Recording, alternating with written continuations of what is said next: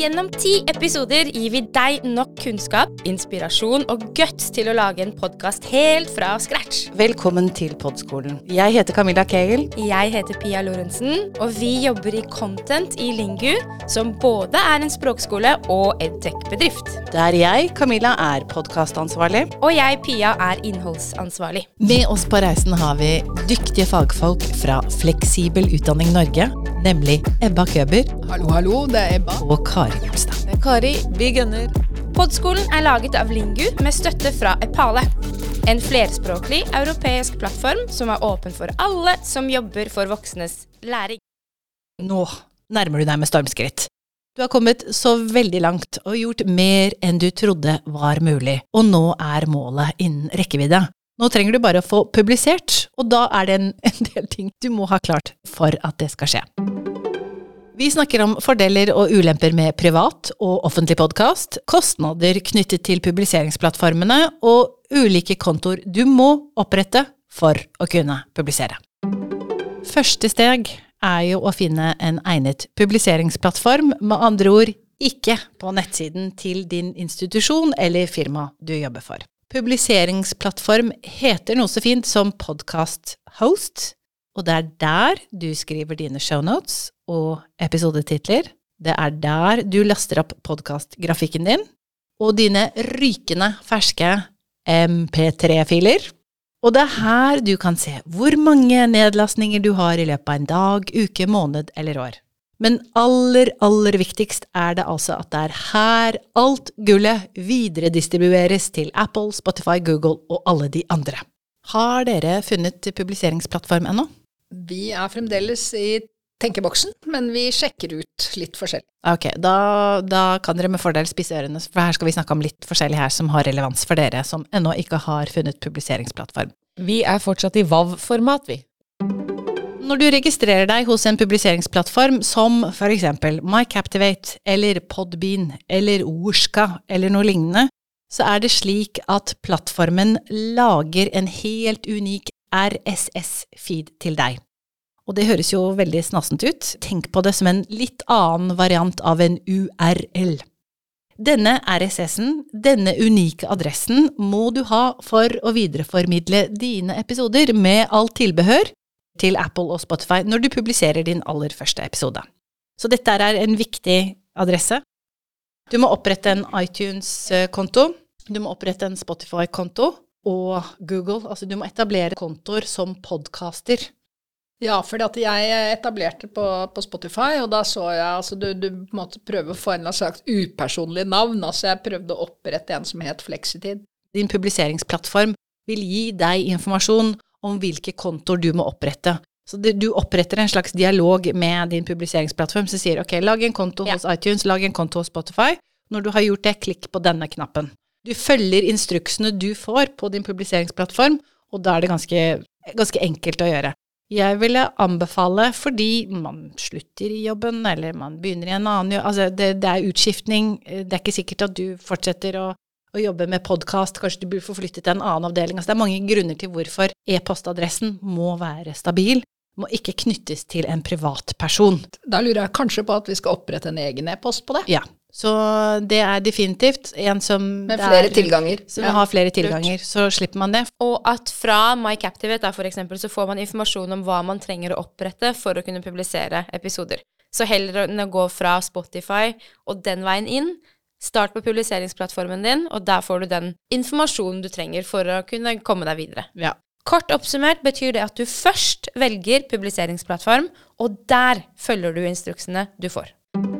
Når det gjelder publiseringsplattformer eller podkasthoster, så er det ikke så mange som er gratis, dessverre. Dette er jo god butikk, og podkast bare vokser og vokser og vokser og vokser. Og prisene varierer litt. Når det gjelder hva man får for penga, så er det jo klart at når du betaler for noe, så får du jo en del ting som du ikke får med en gratis tjeneste. Jeg har drevet litt research på ulike publiseringsplattformer og kommet til at Podbean er vel den nærmeste du kommer helt gratis. Der kan du få de første fem timene gratis, etter det så betaler du. Det tenker jeg egentlig er en ganske smart løsning, for da får du muligheten til å teste ut vannet. Du får altså fem timer til å knote litt, og etter det så får du vurdere om, om dette er noe du vil gjøre. Så vi bruker to ulike varianter som nevnt i Lingu. Den ene eh, gir veldig mye informasjon og støtte og hjelp, og den andre gjør ikke det i det hele tatt. Jeg foretrekker å kunne innhente en del informasjon. Jeg foretrekker å kunne få hjelp når det gjelder søkemotoroptimalisering. Jeg foretrekker å ha en publiseringsplattform som gir meg mye informasjon, som jeg kan, når jeg har tid og anledning, gå igjennom, som igjen hjelper meg til å produsere et bedre produkt. Og hvilken informasjon får du da? Hvilken informasjon altså det- kan du hente ut? Det, alt fra søkemotoroptimalisering, kursing i hvordan jeg bør tenke, hva slags tekster jeg bør skrive, hva jeg kan gjøre, både når det gjelder innhold og, og um, skriving, altså av innhold. Ikke, s- det, er- der får man jo ikke noe informasjon om, om redigeringsarbeid. Så det, det er mer liksom hele pakka, altså alt som er rundt.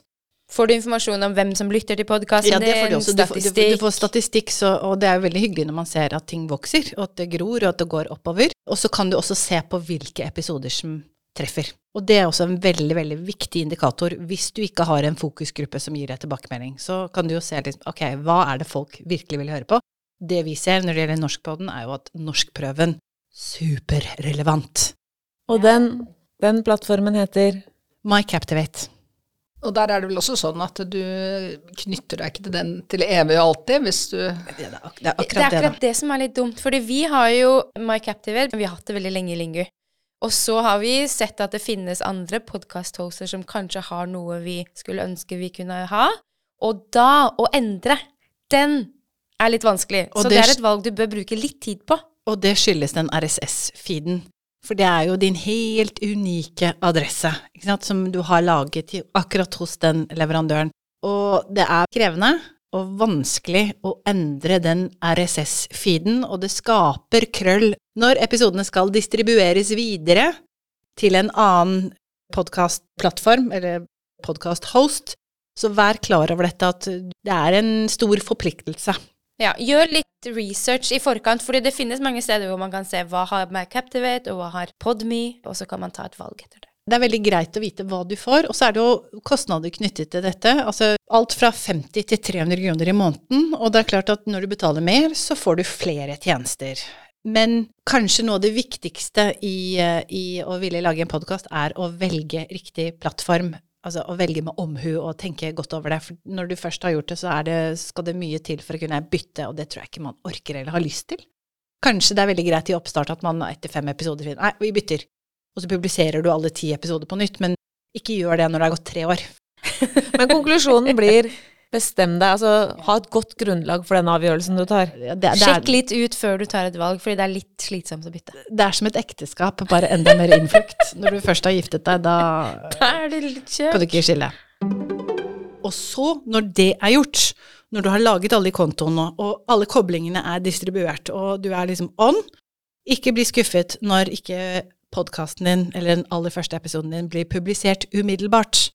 Jeg vet ikke hvorfor. Jeg tror de skal bare kvalitetssikre at du dekker, du stiller noen minimumskrav, og at det ikke er helt sånn absurd innhold. Jeg vet ikke om det er noen som lytter engang, jeg, jeg vet ikke hvordan de gjør det. Så hvis du skal publisere, du skal ha en stor fest, og du skal feire at woohoo, noe har skjedd, vi, vi har aller, aller første episode, Ja, så du må huske på at det tar opptil 72 timer før det du publiserer, er tilgjengelig. Men dette får du informasjon om på publiseringsplattformen din. Så nå er du ved veis ende. Du har skrevet ti episoder, kanskje flere. Du har sørget for gode opptaksforhold. Du har bolkintervjuet, og du har samarbeidet, du har delt erfaringer, og du har utvekslet beste praksismetoder med dine samarbeidspartnere. Du har redigert, du har klippet, du har kanskje felt noen gledestårer, du har lagt til musikk, du har skrevet shownotes og gode titler. Hvor ofte skal du publisere, da? Hvor ofte skal dere publisere, Fann? Vi skal publisere annenhver uke. Det er kanskje fordi vi er helt nye nå, men jeg ser på hver episode som en helt egen event som jeg har lyst til å fortelle om, kanskje på sosiale medier og bruke kanalene våre, og, og fortelle om hver enkelt episode som, som en enkeltstående hendelse. Ja, da er du egentlig i grunnen som oss. Det å publisere hver uke er umulig. Jeg har andre forpliktelser, jeg har andre oppgaver jeg må gjøre, og det å lage episoder som jeg er fornøyd med, og da snakker jeg om redigering og innhold, så er det, det er for intenst å ha et sånt sabla kjør hver uke. Nei, vi tenkte rett og slett også på å ta alle på en gang, men så ser vi at når vi legger så mye arbeid i dette her, så er det veldig fint å kunne spre det utover, og også for hver episode, at de får den oppmerksomheten de trenger. De, de mest populære podkastene, de publiserer som regel en gang i uka. Og skulle du etter tid få mange interesserte, så vit at lojaliteten hos dine lyttere er høy. Det vet, jo, det vet jo alle fra egen erfaring. Jeg går og gleder meg til mandager, du går og gleder deg til mandager, for da kommer jo ut våre favorittpodkaster. Og da trykker man på play ganske umiddelbart etter at man vet at uh, publisering inntreffer. Så ja, du har veldig høy lojalitet når du først har kommet dit. Men du skal jo også tenke langsiktig. Du skal tenke på deg selv. Du skal tenke på at du ikke må brenne deg helt ut ved å lage episoder som publiseres hver uke men litt puls må det jo være. Og jeg mener at en gang i måneden, det er litt slapt. Det, det, går litt for lang tid til at jeg gidder å Altså hvis jeg har blitt fòret med mange episoder i forkant, så kan det hende at jeg da får lyst til å høre en gang i måneden, og at jeg er villig til å være med på det, og at jeg kanskje til og med er villig til å betale for å høre flere ganger. Men jeg mister litt interessen hvis det er noe nytt. Og da sporer jeg heller opp andre podkaster. Så to ganger i måneden høres fornuftig ut. Ja, og vi kommer nok til å la det gå sammen med nyhetsbrevet vårt, som også går to, eh, to, ganger i måneden. Ja, det er jo en prima måte å minne både lesere og lyttere på hverandre. Det er mulig å publisere en lukket podkast. Og av de leverandørene jeg har funnet, så er det Orska som er vel kanskje den mest kjente. Eller så kan man ty til den andre løsningen, som er at man publiserer sin podkast på læringsplattformen til den enkelte institusjon. Og Rosa Begerglass, de gjorde det i oppstart. De publiserte sin podkast, som da er en podkast om kjemi, eh, for førsteårsstudenter. De publiserte den på Blackboard, er det vel det heter, som de bruker. Men det de erfarte, var at det er mange som syns det er litt dumt å ikke kunne ha den fleksibiliteten som en offentlig podkast tilbyr, for da kan du lytte hvor som helst, når som helst, osv. Så, videre. så det er viktig å ha med seg at ja, det er mulig å publisere kun for en lukket gruppe, og at det fins publiseringsplattformer som leverer den tjenesten. Men ha i bakhodet at uh, kanskje du overrasker deg selv og mange potensielle nye lyttere ved å publisere i en offentlig kanal. Så kanskje det med lukket podkast er mest aktuelt hvis du lar studentene dine og elevene dine lage podkast som en del av læringsopplevelsen? Det kan absolutt være et godt poeng å ha med seg, ja. Mm. Du, hvis du ønsker å beskytte studentene i større grad. Ja, absolutt. Så da har vi i denne episoden snakket om fordeler og ulemper med privat og offentlig podkast, kostnader knyttet til publiseringsplattformer, og ulike kontoer du må opprette for å kunne publisere. Takk for at du lytter til denne episoden. Nå er det din tur. Gjør research, og velg publiseringsplattformen som oppfyller dine behov, og som gir deg den dataen, informasjonen og analysen du trenger. Klikk også på shownotene, hvor du finner sjekklister fra denne episoden av Podskolen. Vi lurer fremdeles på hvordan det går med deg og din podkastdrøm. Hvilken plattform har du gått for? Send oss en mail til podskolen at lingu.no, så får du svar. Du har hørt en podkast fra Lingu og Epale. De nyeste episodene finner du der du lytter til podkast.